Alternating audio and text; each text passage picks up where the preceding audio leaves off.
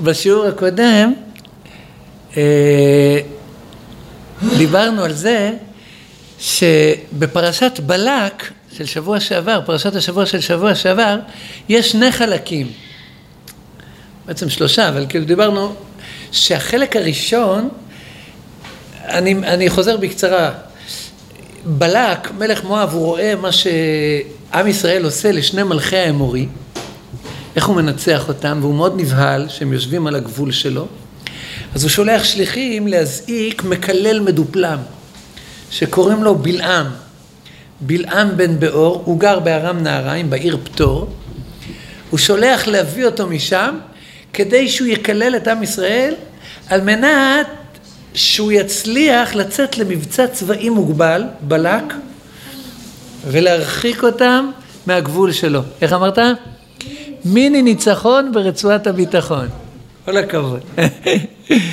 ובכן,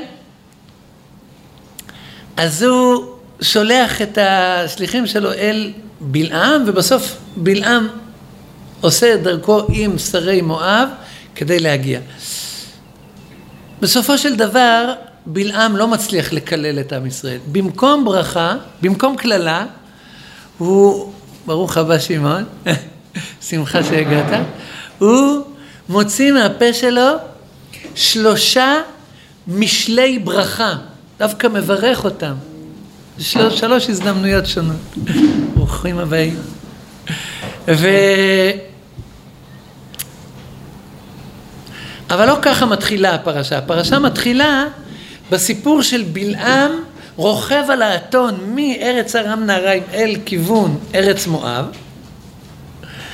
ושלוש התקלויות שלו ושל האתון שהוא רוכב עליה עם מלאך השם שעומד בדרכו. אז כתוב שם, ויחר אף אדוני כי הולכו. אני חוזר בקיצור, בכל זאת כדי שמי שלא היה, יהיה איתנו, כי אנחנו הולכים להמשיך את, אותה, את אותו קו מחשבה. אז כתוב שם, ויחר אף אדוני כי הולכו, ויתייצב מלאך אדוני בדרך לשטן לו, והוא רוכב על אתונו, ושני נעריו איתו. ותרא, אה, האתון,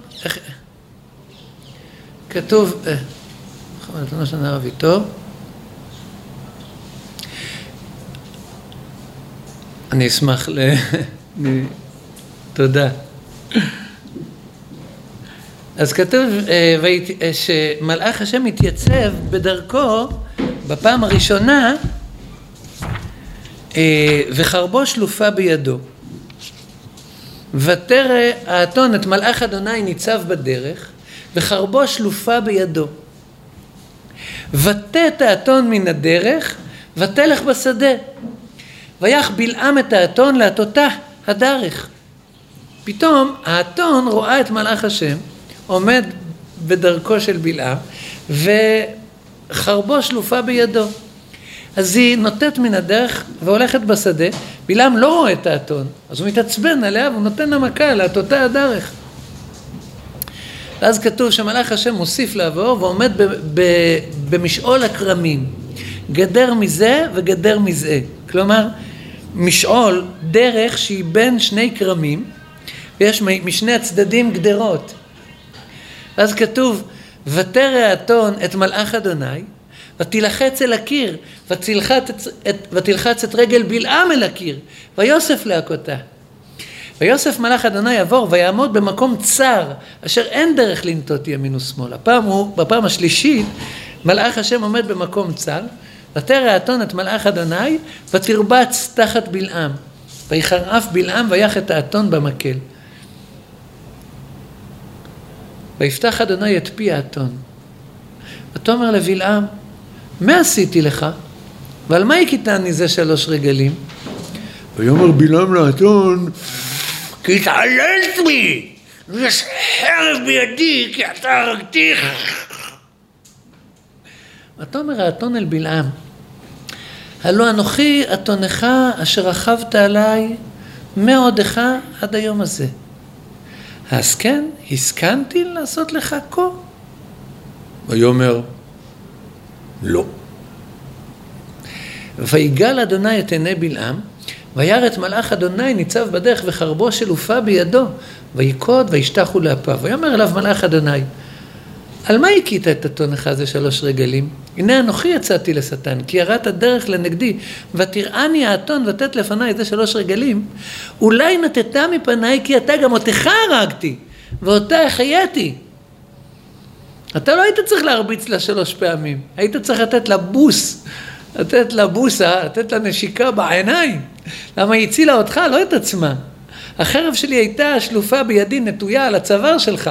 כשהיא סטתה מהדרך ונטטה, או כשהיא קראה, היא הצילה אותך, לא את עצמה.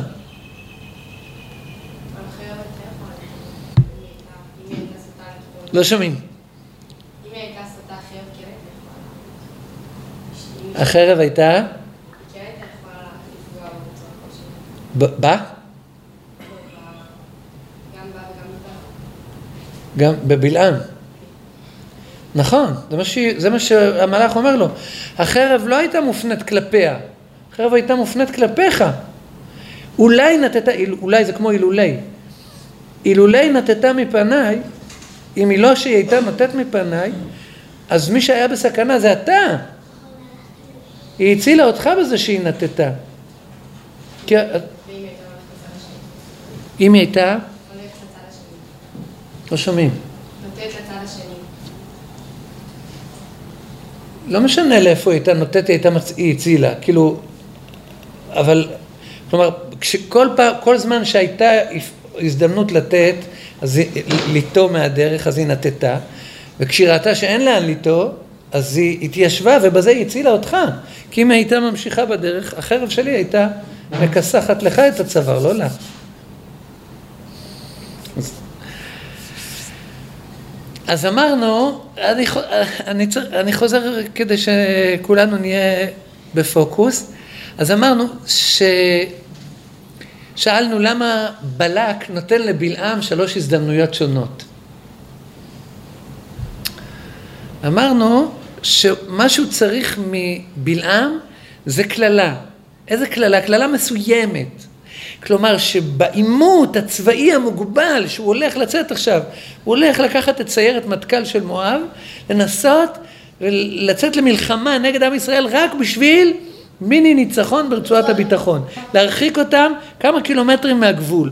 לא נעים לו שהמפלצת הזו, הבולדוזר הזה, הסמי טריילר הזה, חונה לו על הגבול. הוא רוצה להרחיק אותם. הוא רוצה ניצחון מסוים. הניסיון הראשון שלו לחלץ מהפה של בלעם קללה, ושוב, מה הקללה שהוא רוצה? שהוא יצליח לנצח אותם בעימות הצבאי. הוא לא מצליח להשיג קללה. במקום לקלל, דווקא בלעם מברך אותם. אבל למה הוא נותן לו עוד צ'אנס? מפני שהברכה הזו לא נוגעת לעימות. הוא מדבר שבח על עם ישראל, זה מאוד לא נעים. שהמקלל המדופלם שאתה שכרת וכל כך הרבה עם כסף וזהב וכל כך הרבה השתדלויות, הוא מגיע מארץ ארם לפה ובסוף הוא נותן לעם ישראל במקום קללה דווקא ברכה. זה מאוד לא נעים. אז למה הוא נותן לו עוד צ'אנס? כי זה לא טופח על הפנים של התקווה שלו לחלץ את הקללה המסוימת הזו שבקונפליקט, בעימות, ידו תהיה על העליונה. במפגש השני, בברכה השנייה שאמרנו הוא הולך בהתחלה לבמות בעל, אחרי זה לשדה צופים. בשדה צופים העסק נהיה יותר מורכב, כי על פניו התקווה שלו להוציא מבלעם קללה שתיתן לו ניצחון, מיני ניצחון ברצועת הביטחון, היא מקבלת מכה. אין לה, היא מקבלת טפיחה על הפנים שלכאורה אבוד. כי מה בלעם אומר באותו משל ברכה? הוא אומר, הן עם כלביא יקום וכארי יתנשא, לא ישכב עד יאכל טרף ודם חללים ישתה. הדימוי של עם ישראל לאריה, למלך החיות, בפרט כשממשיכים לא ישכב עד יאכל טרף, הוא לא יחזור למאורה שלו עד שהוא יאכל טרף, כלומר הדימוי שלו לאריה זה כמו שבכל קונפליקט בין אריה לבין, לא משנה מי זה יהיה, חתול, שועל, זברה, אפילו ברדלס. מי מנצח? אריה. אריה, הוא מלך החיות. כלומר, על פניו, יש כאן, ברוכות הבאות, יש כאן אה, הבטחה של בלעם, שעם ישראל ינצח. אבל אמרנו, אפשר לדחוק ולהגיד שהוא אמר לא ישכב עד יאכל טרף. כלומר, לא ינחל את ארצו, את ארץ כנען, שם הוא יאכל טרף. בעבר הירדן המערבי, לא איפה שאני פה במואב, בנחלה העתידית שלו, בארץ מואב, במאורה של האריה, שם הוא ינצח את האויבים. אמנם זה דחוק, אבל אפשר עדיין להתאמץ ולתת עוד צ'אנס. בברכה השלישית, אין לאן לברוח. הוא אומר לו, הן עם, אה,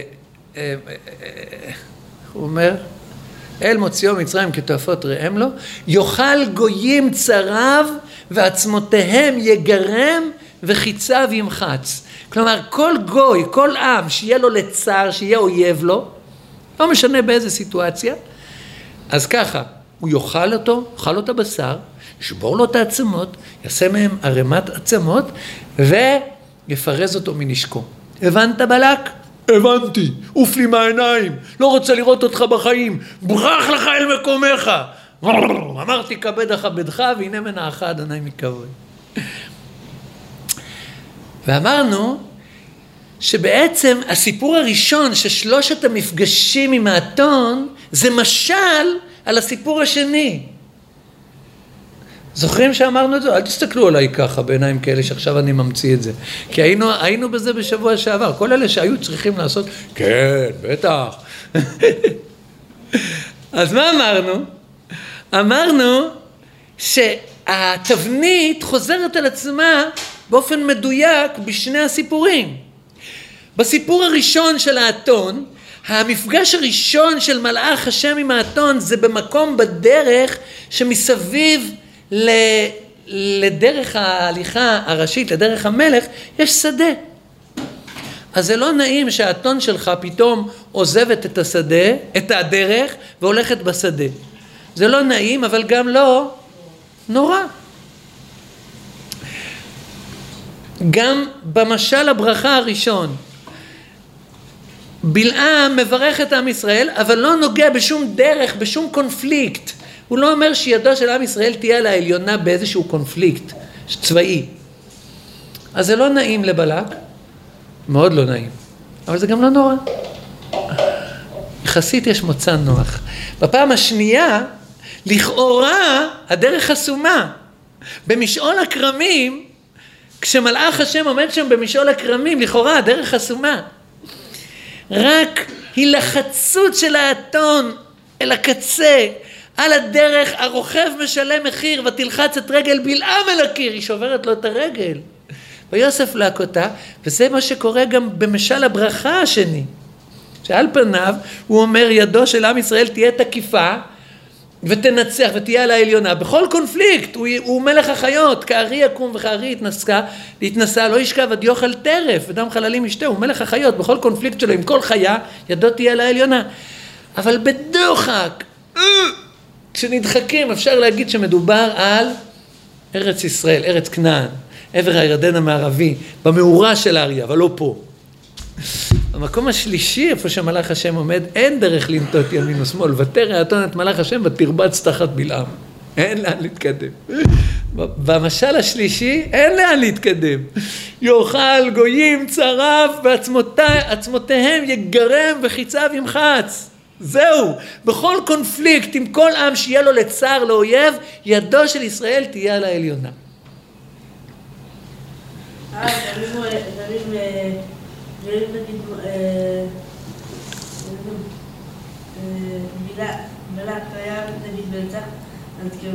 לא שומעים.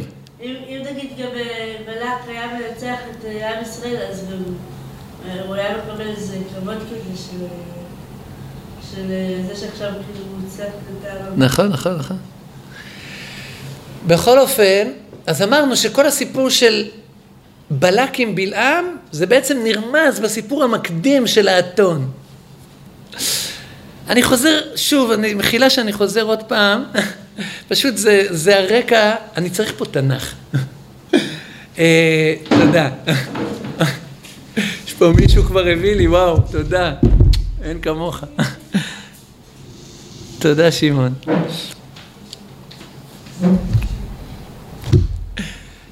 עכשיו, ידידיי, אז אמרנו שההבנה הזו ששלושת המפגשים של מלאך השם עם האתון הם משל. הקדוש ברוך הוא אומר לבלעם מראש, העקשנות שלך, אתה עקשן כמו, כמו פרד, כמו אתון.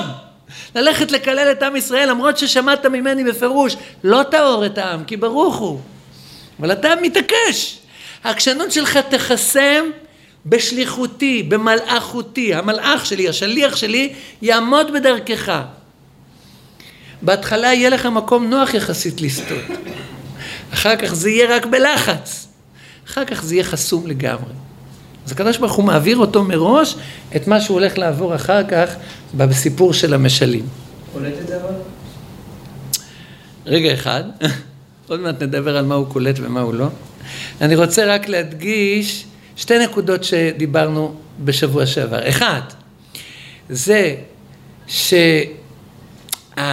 ההבנה שזה משל, זה פותר את התעלומה הכי משמעותית בתוך פרשת בלק. מהי התעלומה הכי מדהימה? בלעם, אנחנו מכירים אותך, אנחנו לא קנינו את החזות שניסית לייצר שאתה עבד כנוע של השם. לא היית מתמסר להיות כללן מדופלם אם היית עבד של השם.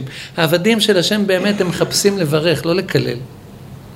אתה באמת אובססיבי בקללה שלך, אתה מאוד רוצה לקלל. והדרך פתוחה, ועומד שם בלק, ועומדים שם זקני מואב, ואנחנו קוראי התורה, ומסתכלים עליך ואומרים, הפה שלך ברשותך, למה אתה לא מקלל? הכל נראה פתוח. מה?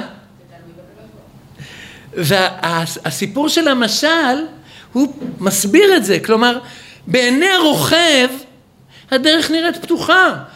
האתון הזה היא סתם מעצבנת, מתעללת, כי התעללת בי. הדרך פתוחה, למה את לא מתקדמת בדרכך? אבל בעיניים של האתון היא רואה את מלאך השם בצורה הכי מוחשית ומאיימת לגמרי לגמרי ברור שהדרך חסומה, אין לאן להתקדם. כלומר, זקני מואב, בלק ואנחנו קוראי התורה מסתכלים על בלעם ולא מבינים למה הוא לא מקלל. והתשובה הוא רואה את, את מלאך השם עומד בדרכו בצורה מאיימת ומוחשית והוא יודע, והוא יודע מה שאנחנו לא יודעים שהחזות הזו שכביכול הפה שלי ברשותי היא חזון שווא. היא פטה מורגנה. זה קשקוש. השם הוא זה שפותח את פי האתון. הפה של האתון הזו הוא ברשות השם. אנחנו פירקנו אחר כך את המשל הזה ואמרנו מי משל למי. אז דיברנו על זה שהאתון במשל זה בעצם בלעם בנמשל. והרוכב, מי שמבקש לרכב על העקשנות של בלעם לקלל ולעשות על זה קופה, זה בלק, מלך מואב. הרוכב, כלומר בלעם, הוא משל לבלק. האתון זה המשל לבלעם. האתון רואה את מה שהרוכב לא רואה. בלעם רואה שהדרך חסומה, הוא לא יכול לקלל, ובלק לא מבין, רק הובוי ויקראתיך, והנה ברכת ברך. אבקע עליקי בקי, ברח לך אל מקומך.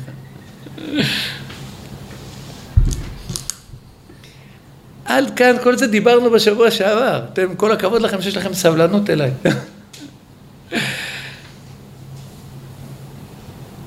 לפני שאנחנו מתקדמים לנושא של היום, עוד דבר אחד שדיברנו עליו בשבוע שעבר. אמרנו שיש החלק השלישי של פרשת בלק, שעם ישראל חוטא בהתחלה בבנות מואב ואחר כך בבעל פאור, בעבודה זרה. באישה נוכרית ואחר כך בבעל פאור, בעבודה זרה. ותקרן העם לזבחי אלוהיהן ויאכל העם וישתחוו לאלוהיהן וזה מביא את עם ישראל לכמעט קטסטרופה, לקצה של קטסטרופה, שכמעט עם ישראל מתכלה. ואז מי שמציל את המצב, מגיע איש ישראל, ואיש ישראל, והנה איש ישראל, הנה איש מבית ישראל. ויאמר משה על שופטי ישראל, הרגו איש אנשיו הנצמדים לבעל פאור. והנה איש מבני ישראל בא ויקרב אל אחיו את המדיינית לעיני משה ולעיני כל הדת בני ישראל והם הבוכים פתח אוהל מועד. וירא פנחס בן אלעזר בן אהרון הכהן ויקום מתוך העדה, וירא פנחס בן אלעזר הכהן, ויקום מתוך העדה ויקח רומח בידו, ויבוא אחר איש ישראל אל הקובה, וידקור את שניהם את איש ישראל ואת האישה אל כובתח, ותעצר המגפה מעל בני ישראל, והיו המתים במגפה ארבעה ועשרים אלף. ואז מתחילה הפרשה שלנו, וידבר אדוני אל משה לאמור, פנחס בן אלעזר בן אהרון הכהן, השיב את חמתי מעל בני ישראל בקנאו את קנאתי בתוכם, ולא כיליתי את בני ישראל בקנאתי. לכן אמור, הנני נותן לו את בריתי שלום. והייתה לו ולזרעו אחריו ברית כהונת עולם, תחת אשר קינא לאלוהיו ויכפר על בני ישראל. ושם איש ישראל המוכה אשר הוכה את המדיינית זמרי בן סלו, נשיא בית אב לשמעוני, ושם האישה המוכה המדיינית כוסבי וצור, ראש אומות בית אב במדיינו. ואמרנו שפרשת מטות אומרת בפירוש שהסיפור הזה שעם ישראל חוטא בבנות מואב אחר כך בבעל פאור זה לא כמו שזה נראה בפרשה שלנו סיפור תמים זליגה טבעית שנבעה מהקרבה הגיאוגרפית של שני המחנות לא היה פה נוכלות והיוזם של הנוכלות הזו כלומר הסיפור הזה הם באו לפתות את עם ישראל זו הייתה מלכודת שנתוותה מראש בשביל להפיל את עם ישראל. כמו שכתוב בפרשה שלנו, צרור את הבניינים והכיתם אותם כי צוררים עליהם לכם בנכליהם, אשר ניקלו לכם על דבר פרעה. הייתה פה נוכלות. ומי היוזם של המזימה הזו? אז בפרשת מטות כתוב, הן הן היו לבני ישראל בדבר בלעם למסור מעל באדוני על דבר פרעה. כלומר היוזם של, ה, של הבור הזה שקראו לבחורי ישראל להפיל אותם מבנות מואב ובבעל פאור, זה היה בלעם, הוא היה היוזם. ודיברנו, שוב בשיעור הקודם, על שלוש גישות, איפה זה רמוז? איפה? נכון, רש"י ואבן עזרא. היה איזה משהו של אבן עזרא, שאם הפה שלי ברשותי אז... טוב, שאלת אז שאלה מצוינת, כזכור. אנחנו זוכרים את השאלה המצוינת ששאלת כבר שבוע שעבר, כל הכבוד. אבל אני רוצה לחזור לפירוש של רמב"ן. הרמב"ן אומר שבאיזו דרך מפנה בלעם את בלק לעצה הרעה הזו? בזה שהוא אומר לו שבכל קונפליקט צבאי, בכל עימות צבאי עם ישראל, ידך תהיה על התחתונה. עם ישראל ינצח. יאכל גויים צרה ועצמותיהם יגרם וחיציו ימחץ. בזה הוא בעצם משאיר לבלק רק ברירה אחת. הוא בעצם אומר לו, דרך המלחמה חסומה בפניך. אם אתה רוצה לעולל להם איזושהי רעה, עליך לפנות לדרך השלום, להסביר פנים. וואלק לעשות הסכמי אוסלו בשביל זה. אה? כלומר, עם שלא ינוצח במלחמה, ינוצח בשלום. תעשה איתם שלום. וזה מה שגורם לבלק לשלוח את בנות מואב עם, uh, ליריד, לדיוטי פרי, להציע את מרכולתם לבחורי ישראל, וזה מה שבאמת כמעט מצליח. זה מפיל את עם ישראל בחטא של בנות מואב. עבירה גוררת עבירה, זה מפיל אותם בחטא של בעל פאור, של עבודה זרה, ותקרן על העם לזבחי אלוהיהם, ויאכל העם וישתחוו לאלוהיהם, ויצמד ישראל לבעל פאור. וזה כמעט גורם לכליה, ולא כיליתי את בני ישראל בקנאתי. עד כאן זה היה חזרה על מה שלמדנו בפעם הקודמת. עכשיו אני מבקש, עשו אוזניכם כאפרכסת. אני לא זוכר מה מהדברים, מאיפה, מאיפה אנחנו, אני לא זוכר בדיוק מה כבר רמזנו ומה לא, זה נראה לי שנתנו כמה רמזים לכיוון הזהו. אבל לפני שאני מתקדם, עוד נקודה אחת. לא, לא אמרנו אותה בשבוע הקודם, חדשה, אבל היא לא נוגעת עדיין לפרשת השבוע שלנו, נוגעת לפרשה הקודמת. בתוך הסיפור הזה שהאתון והרוכב זה משל למה שקורה אחר כך, נמצא המון המון המון, צריך לגרד ולמולל ולחפש את כל המתיקס שיש שם ואת כל הלקחים וההבנות שזה פורס על כל הסיפור. אבל אחד הלקחים, מי זה האתון? בלעם. עכשיו הבלעם, הבלעם הזה, האתון הזו, אמרנו עוד פעם, בואו בוא, בוא נחזור רגע. בלעם הוא אתון, בהתחלה הוא האתון, במשל הוא האתון, אבל, אבל, אבל עוד פעם, במשל, בלעם הרוכב הוא משל ל... לבלק, נכון? לא לעצמו. למה?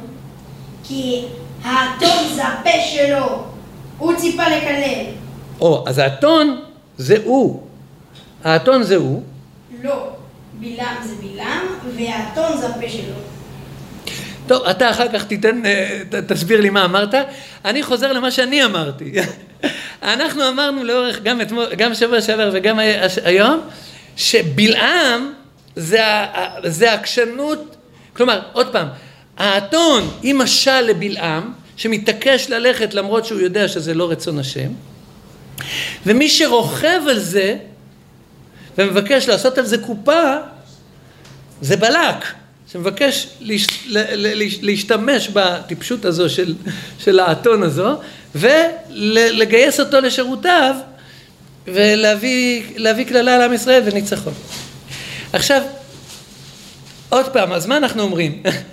בלעם הרוכב במשל הוא משל לבלק, בזה, במה הוא משל לבלק? בזה שהרוכב לא מבין למה האתון סוטה מהדרך, כמו שבלק לא מבין, לקוב אויבי יקירתיך, והנה ברכת ברך, מה? הדרך פנויה, למה? אבל בעיניים של האתון, בעיניים של בלעם, הדרך לגמרי חסומה. אז עוד פעם, עוד פעם אני חוזר, תהיו איתי רגע, אפילו שזה טיפה מורכב. אמרנו שבלעם הרוכב בהתחלה הוא משל לבלק, ויש איזה רגע שהוא הופך להיות הנמשל של האתון. עוד פעם, בהתחלה הוא משל לבלק, ויש איזה רגע שהוא הופך להיות פתאום הנמשל של האתון. אני שואל, מהו קו פרשת המים שמפריד בין זה שהוא היה משל לבלק, לבין שהוא נהיה נמשל של האתון?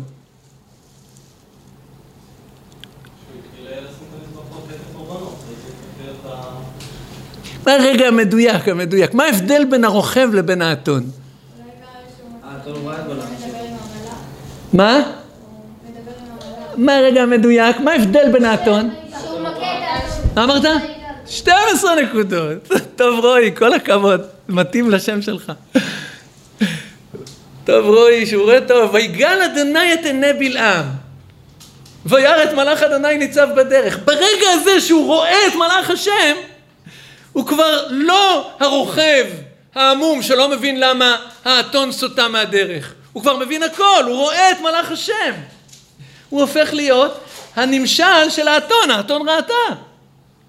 פעמיים הוא אתון ופעם אחת הוא רחוב? לא, רוכב? לא, לאורך שלושת המפגשים בהתחלה הוא בלק, של, שלא רואה את מלאך השם ומתעצבן. באיזה, באיזשהו שלב, אחרי הפעם השלישית, אחרי העצירה השלישית, אחרי שהוא מרביץ לאתון, הוא, הוא משול לבלק ששולח את בלעם לכל הרוחות. איזה אתון מעצבנת, התעללת בי, אה. אם היה לי חרב הייתי הורג אותך. מעצבן אחד, אני קורא לך מארם נהריים ואתה בא ובמקום לקלל אתה מברך. אבל בהתחלה הוא ידע, הוא היה- הוא היה האתון. הוא היה, לא, הוא היה כל הזמן, הוא היה, בכל המשל, בכל המפגשים שלו, הוא משל לבלק, הוא לא רואה את, את, את מלאך השם. לפני שהוא יצא, כש- כשבלעם הציע לו. מה? כן. עזבי רגע את השלב הראשוני הזה, איפשהו בבית את מתכוונת?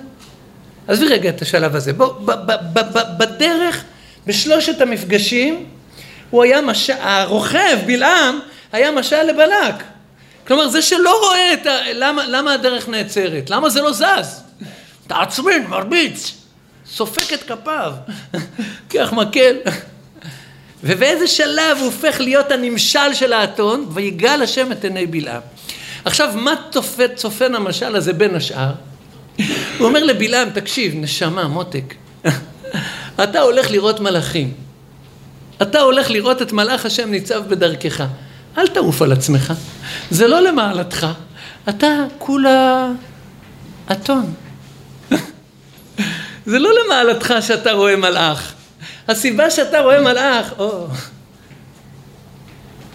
ברוכים הבאים. הסיבה שאתה רואה מלאך היא למעלתם של ישראל, אתה כולה אתון. אל תעוף על עצמך. האם זה עזר, השיעור בצניעות הזה? זה השיעור בצניעות לבלעם.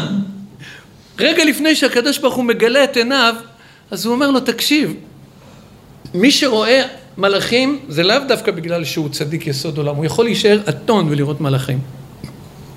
מכל מיני סיבות שהקדוש ברוך הוא מראה לאתון מלאכים. האם זה עזר השיעור הזה בצניעות? לא. הוא עף על עצמו טילים. הוא אומר נאום, נאום בלעם בנו ואור. הוא נאום הגבר שתום עין. מה זה שתום עין? פתוח עין. מה עפת על עצמך? ממתי אתה שתום עין? הרגע שהשם גילה את עיניך. זה עשר דקות, אה, לפני עשר דקות קראנו את זה. מה אתה? נאום הגבר שתום העין. נאום שומע עם רעל ויודע דעת עליון, מחזה שנה יחזה, נופל וגלוי עיניים. מה זה גלוי עיניים? ממתי אתה גלוי עיניים? מהרגע שויגל אדוני את עיני בלעם.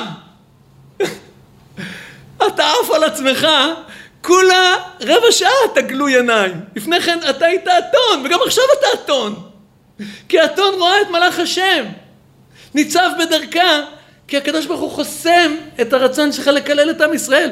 אל תעוף על עצמך. האם השיעור בצניעות הזה עזר? לא, הוא לג...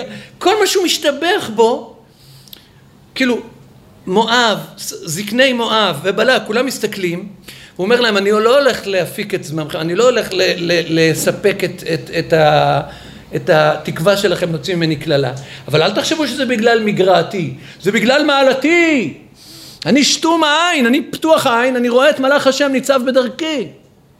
אני לא יכול לקלל. אני שומע אמרי אל שהשם אומר לי, אין מצב. אני יודע דעת עליון שהשם לא מסכים לי לקלל. אני מחזה שדי יחזה. גם כשאני נופל, מתי הוא נפל? כשהוא היה גלוי עיניים. כתוב, ויגל אדוני את עיני בלעם, וירא את מלאך אדוני ניצב בדרך וחבו שלופה בידו, ויקוד, וישתחו לאפיו. כלומר, כשהוא מבין שהדרך חסומה, הוא משתחווה, הוא מתבטל לרצון השם.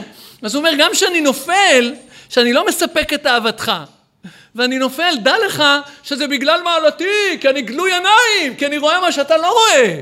הדרך חסומה. טוש טוש, אל תעוף על עצמך, אתה כולה אתון.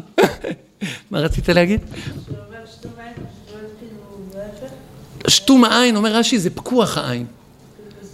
רש"י מביא דוגמאות ששתום, מלשון משנה, ששתום זה פקוח, פקוח, גם, גם אונקלוס ככה מפרש. זה לא סתום העין, זה שתום העין. כלומר, פקוח העיניים. כלומר, על מה הוא משתבח? על זה שהשם גילה את עיניו. קודם כל, כולה אתה גלוי עיניים רבע שעה. בקריאה איטית של, אה, שלי. קריאה של קוראים מהר זה חמש דקות. שתי דקות. טוב, אז זה לא הייתי יכול להתאפק מלהגיד לכם את זה. רואים, רואים בפרשה ש- שבלעם באמת אה, תמיד אמר לו שאני לא יכול לדבר חוץ ממה שהשם יגיד. נכון. מההתחלה רואים שיש לו מעלה כזאת, שהוא יודע, יש לו ביטוי. אנחנו כל הזמן אמרנו שאנחנו לא קונים את הרשת הזו שהוא מנסה לשדר. כי מי שבאמת אוהב את זיתן לריבונו של עולם, הוא לא מתמחה בקללות. הוא כל הזמן מנסה לשדר, אשר ידבר השם אותו אדבר. הוא, לא, הוא לא אבל הוא יודע שהבחירה לעשות, לא שווה לו הבחירה הזאת, האינטרס של הבחירה הזאת.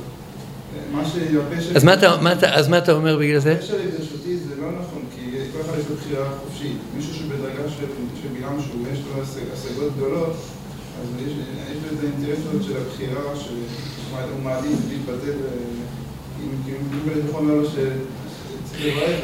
לכאורה, אבל כמו שדיבר, אני לא זוכר אם דיברנו על זה בשבוע שעבר, מה, מה כל הסיפור? הקדוש ברוך הוא לא אמר לו, בשום, בשום שלב הקדוש ברוך הוא לא נתן לו רשות לקלל. הקדוש ברוך הוא אמר לו, אם לקרוא לך באו האנשים, קום לך איתם. כלומר, אם על הקריאה לבד הם באו, על דעת שתברך. יש לקדוש ברוך הוא רצון שנביא הגויים יברך את ישראל, אומר הרמב"ן.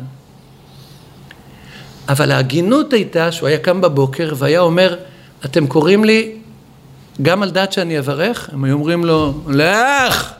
מה? יש להם חפץ רק בקללה. והוא ניסה להטות את ריבונו של עולם לדעתו.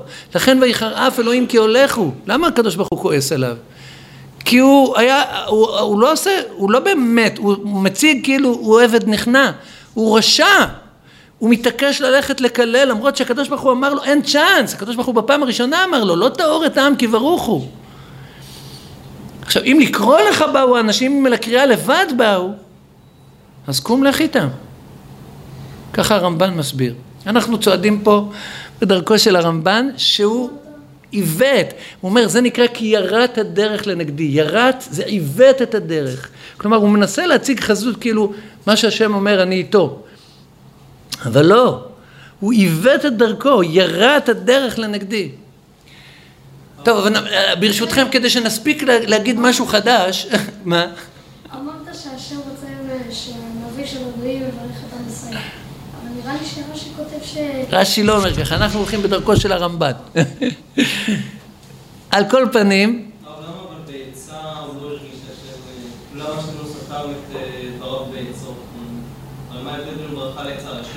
אז אנחנו אומרים, מה, מה בעצם הסברנו?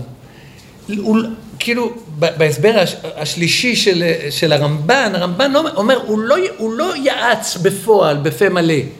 הוא רק הסביר לבלק שדרך הקללה חסומה, כלומר כל לימוד צבאי, ידו של עם ישראל תהיה על העליונה, ובלק מעצמו הבין שהוא צריך לפנות לדרך השלום. ככה הרמב"ן אומר. עכשיו שימו לב, דייקת אותנו, הסיפור, כמו שעכשיו הדגשנו, זה מחדד את הבעייתיות של האתון דווקא כשהיא קורעת. לכאורה, כשהאתון קורעת והיא אומרת לרוכב אין צ'אנס, אין שום אפשרות לקלל את עם ישראל, היא ראויה, אמרנו לבוס עין, לבוס בעיניים, העיניים הרעות שלה, ולהצדעה. אבל מעניין, הפסוק שם אומר, כתוב ככה, ויאמר אליו מלאך אדוני, על מה הכית את אתונך עדי שלוש רגלים? הנה אנוכי יצאתי לשטן, כי יראת דרך לנגדי, ותראני האתון, ותת לפניי זה שלוש רגלים, ואז כתוב ככה, אולי נטטה מפניי, כי אתה גם אותך הרגתי, ואותה החייתי. מה הפשט הפשוט? כלומר, אילולי שהייתה נוטט מפניי, אתה זה שהיית בסכנה, אותך הרגתי, היא בכלל לא הייתה בסכנה, היא נתתה מפניי בשבילך, היית צריך לתת לה בוס, היית צריך לתת לה נשיקה.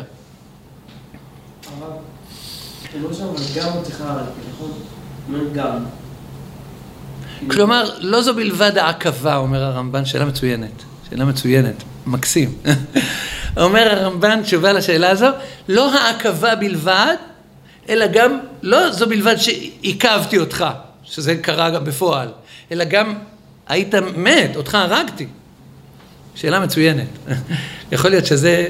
על כל פנים, רש"י ואבן עזרא לא אומרים ככה, רש"י ואבן עזרא אומרים שאולי נטטה מפניי כי אתה גם אותך הרגתי ואת- ואותה החייתי, עכשיו שנטטה מפניי אז אותך החייתי ואותה הרגתי.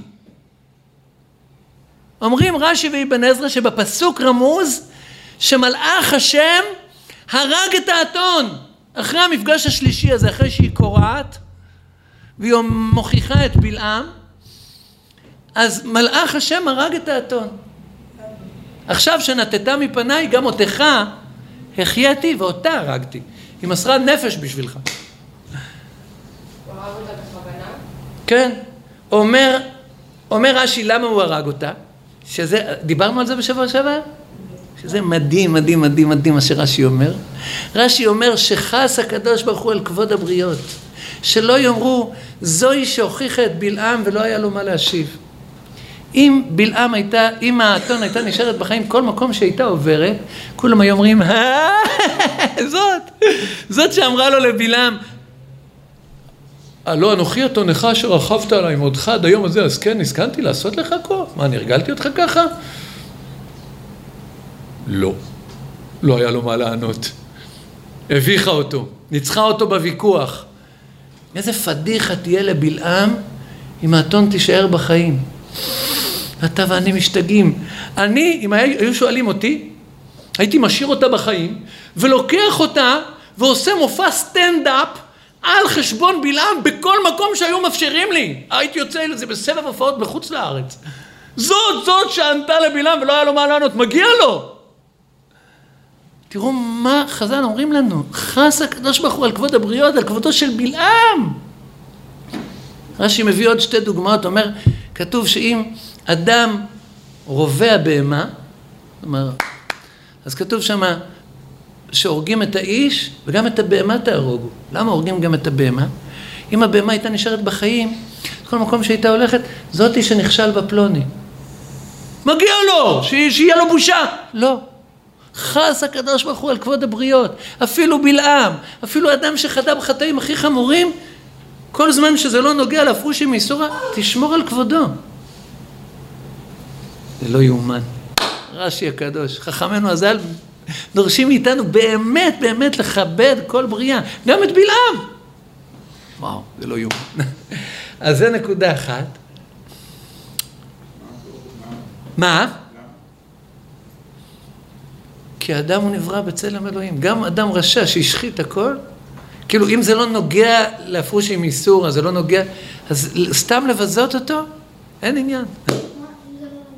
אם זה לא, כאילו ברור שבתוך המלחמה, או בתוך המאבק איתו, מותר לבזות אותו, אבל אחרי שהוא כבר לא מהווה סיכון. אז באותו רגע אסור לבזות אותו. מה- האתון אשמה? מה האתון אשמה? האתון היא כנראה בריאה פחות חשובה מאדם. שאלה מצוינת, לא יודע. ככה חז"ל אומרים, הם רצו ללמד אותנו מסר חינוכי. בכל אופן, הרמב"ן מאוד מאוד כועס ולא מסכים עם רש"י ועם אבן עזרא שמיתת האתון רמוזה בפסוק. עוד פעם, הם קוראים את הפסוק, הם אומרים, אולי נטטה מפניי, אילולי שנטטה מפניי, אז אותך הרגתי ואותה החייתי. עכשיו שנטטה מפניי, אז אותך החייתי ואותה הרגתי. הם אומרים שזה רמוז בפסוק. הרמב"ן אומר, בשום פנים ואופן, זה לא רמוז בפסוק. מה שכתוב, כמו שאמרנו מקודם, גם, לא הקבה בלבד, היית בסכנת חיים.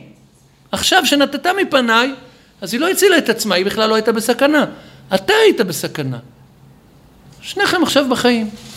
אומר הרמב"ן, וזה שחז"ל אמרו שהאתון מתה ושהמלאך הרג אותה, זה לא בגלל שזה רמוז בפסוק. קבלה הייתה בידם.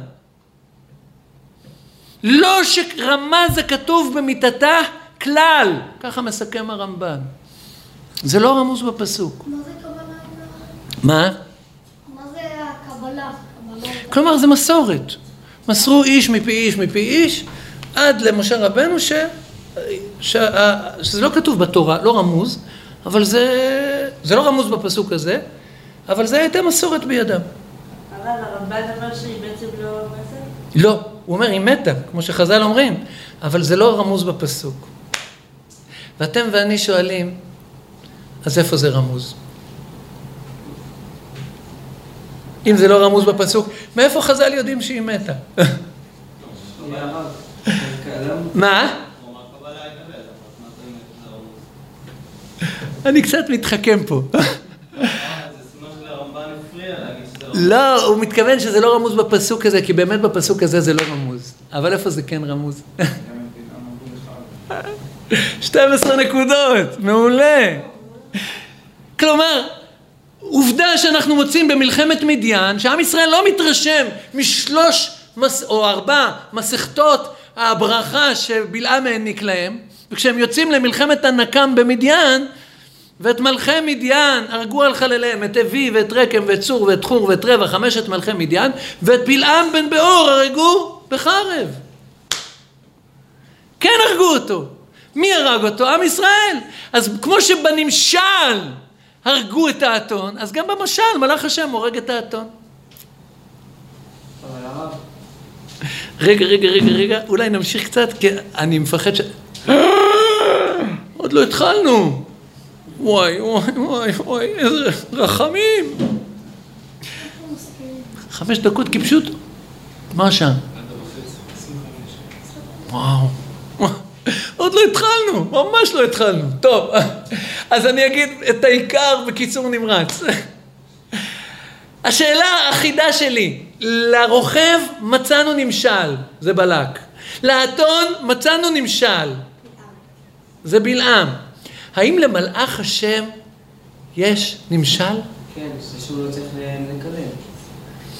אז עוד פעם, בשלושת השלבים הראשונים, בשלושת המפגשים הראשונים, המלאך לא מתגלה באיזה מישהו, באיזה דמות, הוא נשאר מלאך השם. או כמו שהגמרא אומרת במסכת סנהדרין, וישם אדוני דבר בפי בלעם, רבי יהושע אומר מלאך שעמד לו על הגרון ואמר לו אם אתה מקלל אני חולק, חונק אותך. אז כלומר המלאך השם לא התגלה בשום דמות, הוא נשאר מלאך. רבי יהושע אומר מלאך, וישם השם דבר בפי בלעם, מה זה הדבר הזה? מלאך השם. ככה אומר רבי יהושע במסכת סנהדרין. אבל, עוד פעם אמרנו, שדווקא כשאתון קורעת, אז היא מתחייבת מיתה. מפני שאז היא שולחת את הרוכב לדרך השלום, ששם הוא כמעט מנצח, הוא כמעט מצליח להחטיא את עם ישראל בבנות מואב ובבעל פאור. דווקא כשהיא קורעת הוא הורג אותה. מי עומד בדרכו של האתון להביא כליה על עם ישראל דווקא בזה שבדבר בלעם? פנחס בן אלעזר בן אהרון הכהן. עכשיו, חז"ל אומרים שמי שהרג את בלעם בפועל, מי שהרג את האתון, מי שהרג את בלעם, זה היה פנחס. כתוב, וישלח אותם משה, אותם משה לצבא, אותם ואת פנחס בן אלעזר בן אהרון הכהן לצבא, וכלי הקודש וחצוצרות התרועה בידו. אומר רש"י שם, שבלעם עשה שמות של טומאה, וגם בלעם, גם בלעם וגם חמשת מלכי מדיין עפו באוויר, ואי אפשר היה לפגוע בהם. אז למה הוא שלח אותם? בדיוק בגלל זה משה רבנו שלח את פנחס עם הציץ, את כלי הקודש, וכלי... ואז הוא יצא עליהם עם הציץ, הראה להם את הציץ, והם נפלו, אופס, מהקדושה של הציץ, משם השם שחקוק בציץ הם נפלו, ואז הרגו אותם בחרב. פנחס הרג את בלעם בחרב. אז מי הוא מלאך השם? אני אומר בקיצור נמרץ, כי פה התכוונתי להאריך טובה. זה היה אמור להיות עיקר השיעור, אבל הכל נהיה... אבל מי הוא, אני טוען ככה, מי הוא הנמשל למלאך השם? פנחס בן אלעזר בן אהרון הכהן. עכשיו אני אומר, אני לא רוצה להגיד הכל, אני לא אספיק להגיד כלום. איפה זה כתוב במפורש? אצלנו בפרשה זה רק רמוז, אבל זה כתוב במפורש בספר מלאכי.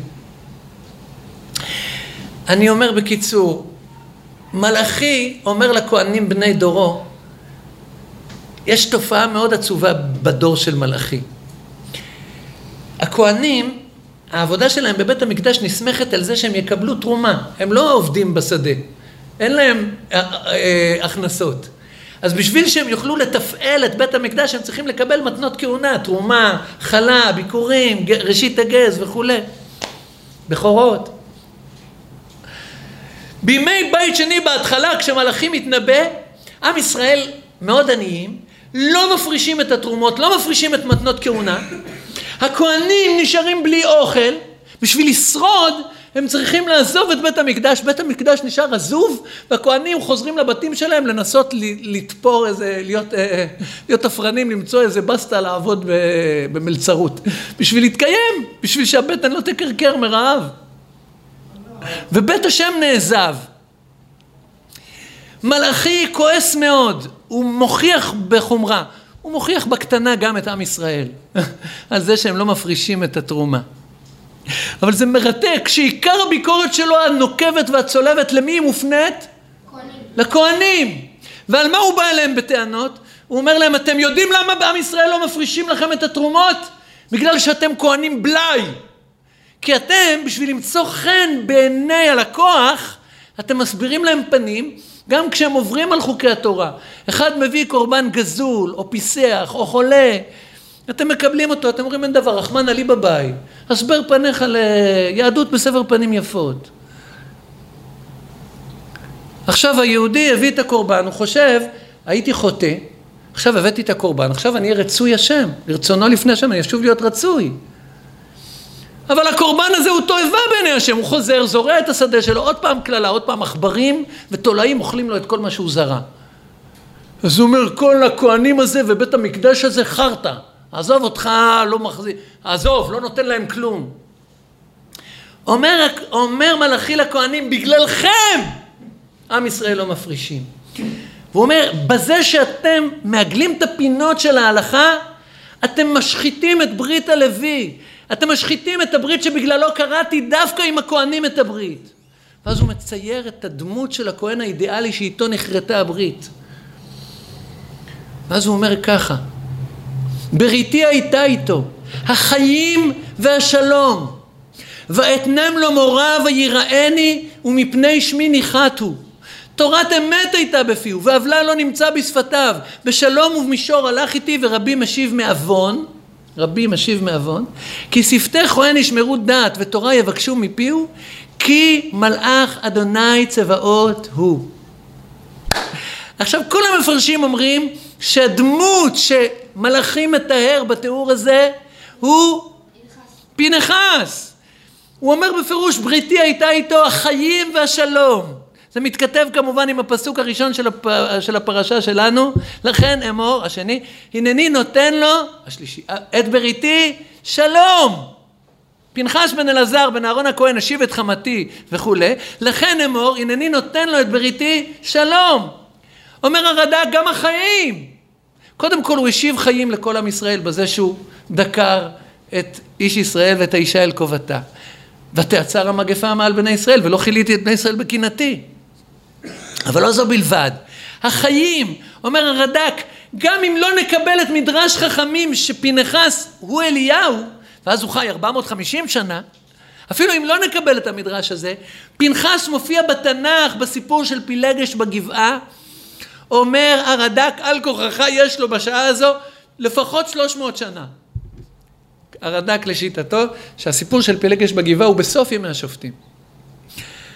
אז הוא אומר החיים והשלום ואתנם לו מורה ויראני מפני שמי ניחתו. כלומר, הוא לא מעגל את הפינות. מה שהשם אומר הוא עושה.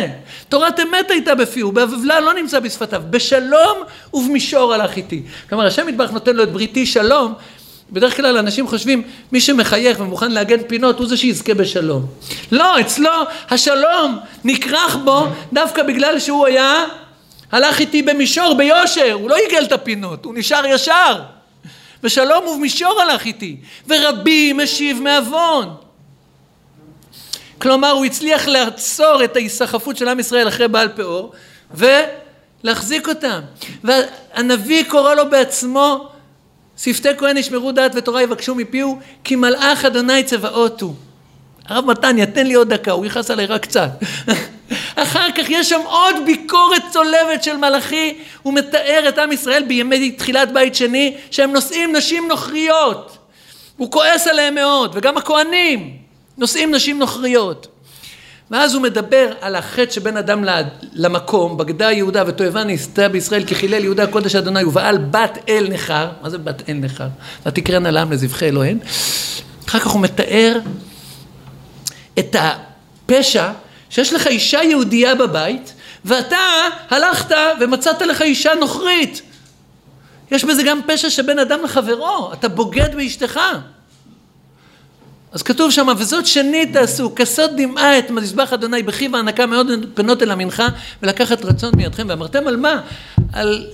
על, על, על, על אה, קיצור, אשר, אשר, אשר אתה... ואמרתם על מה? על כי אדוני יעיד בינך ובין אשת נעוריך אשר אתה בגדת בה והיא חברתך ואשת בריתך. כלומר, זמרי בן סלו, יש לו אישה ישראלית בבית, זה גם פשע, הוא בוגד באשתו. ובזה הוא מכסה דמעה את מזבח השם, כמו שכתוב אצלנו בפרשה, ויקרב את אחיו אל את המדיינית לעיני משה ולעיני כל הדת בני ישראל והם הבוכים פתח אוהל מועד. מה עומד שם בפתח אוהל מועד? המזבח. אתם ממלאים דמעות את מזבח השם. ואז כתוב שמה פתאום יבוא אליך לא האדון אשר אתם מבקשים, הנני שולח מלאכי, ופתאום יבוא אליך לא האדון אשר אתם מבקשים, ומלאך הברית אשר אתם אומרים, הנה בא. ומי מכלכל את יום בואו, ומי אמת בהיראותו, כי הוא כאש מצרף וכבורית מכבסים. כלומר, פתאום בתוך הבלגן הזה, שחלק הולכים אחרי הנשים הנוכריות, וחלק בוכים ואומרים, אוי אוי אוי אוי אוי, פתאום מגיע מלאך הברית, פנחס, והוא משול בדברי מלאכי למלאך, והוא עומד שם כאש מצרף וכבורית מכבסים. והוא מתקן את כל ההיסחפות הזו ברגע אחד של קנאות. ואחר כך מלאכי אומר בפירוש שזה אליהו הנביא, הנה אנוכי שולח לכם את אליה הנביא, וזה המקור של דברי חז"ל של פנחס הוא אליהו. ושם זה כתוב במפורש שפנחס הוא מלאך, מלאך השם. הוא הנמשל של מלאך השם, הוא זה שעומד. אבל את העיקר אמרתי הכי קצר, ברוך אדוני לעולם אמן ואמן תסלחו.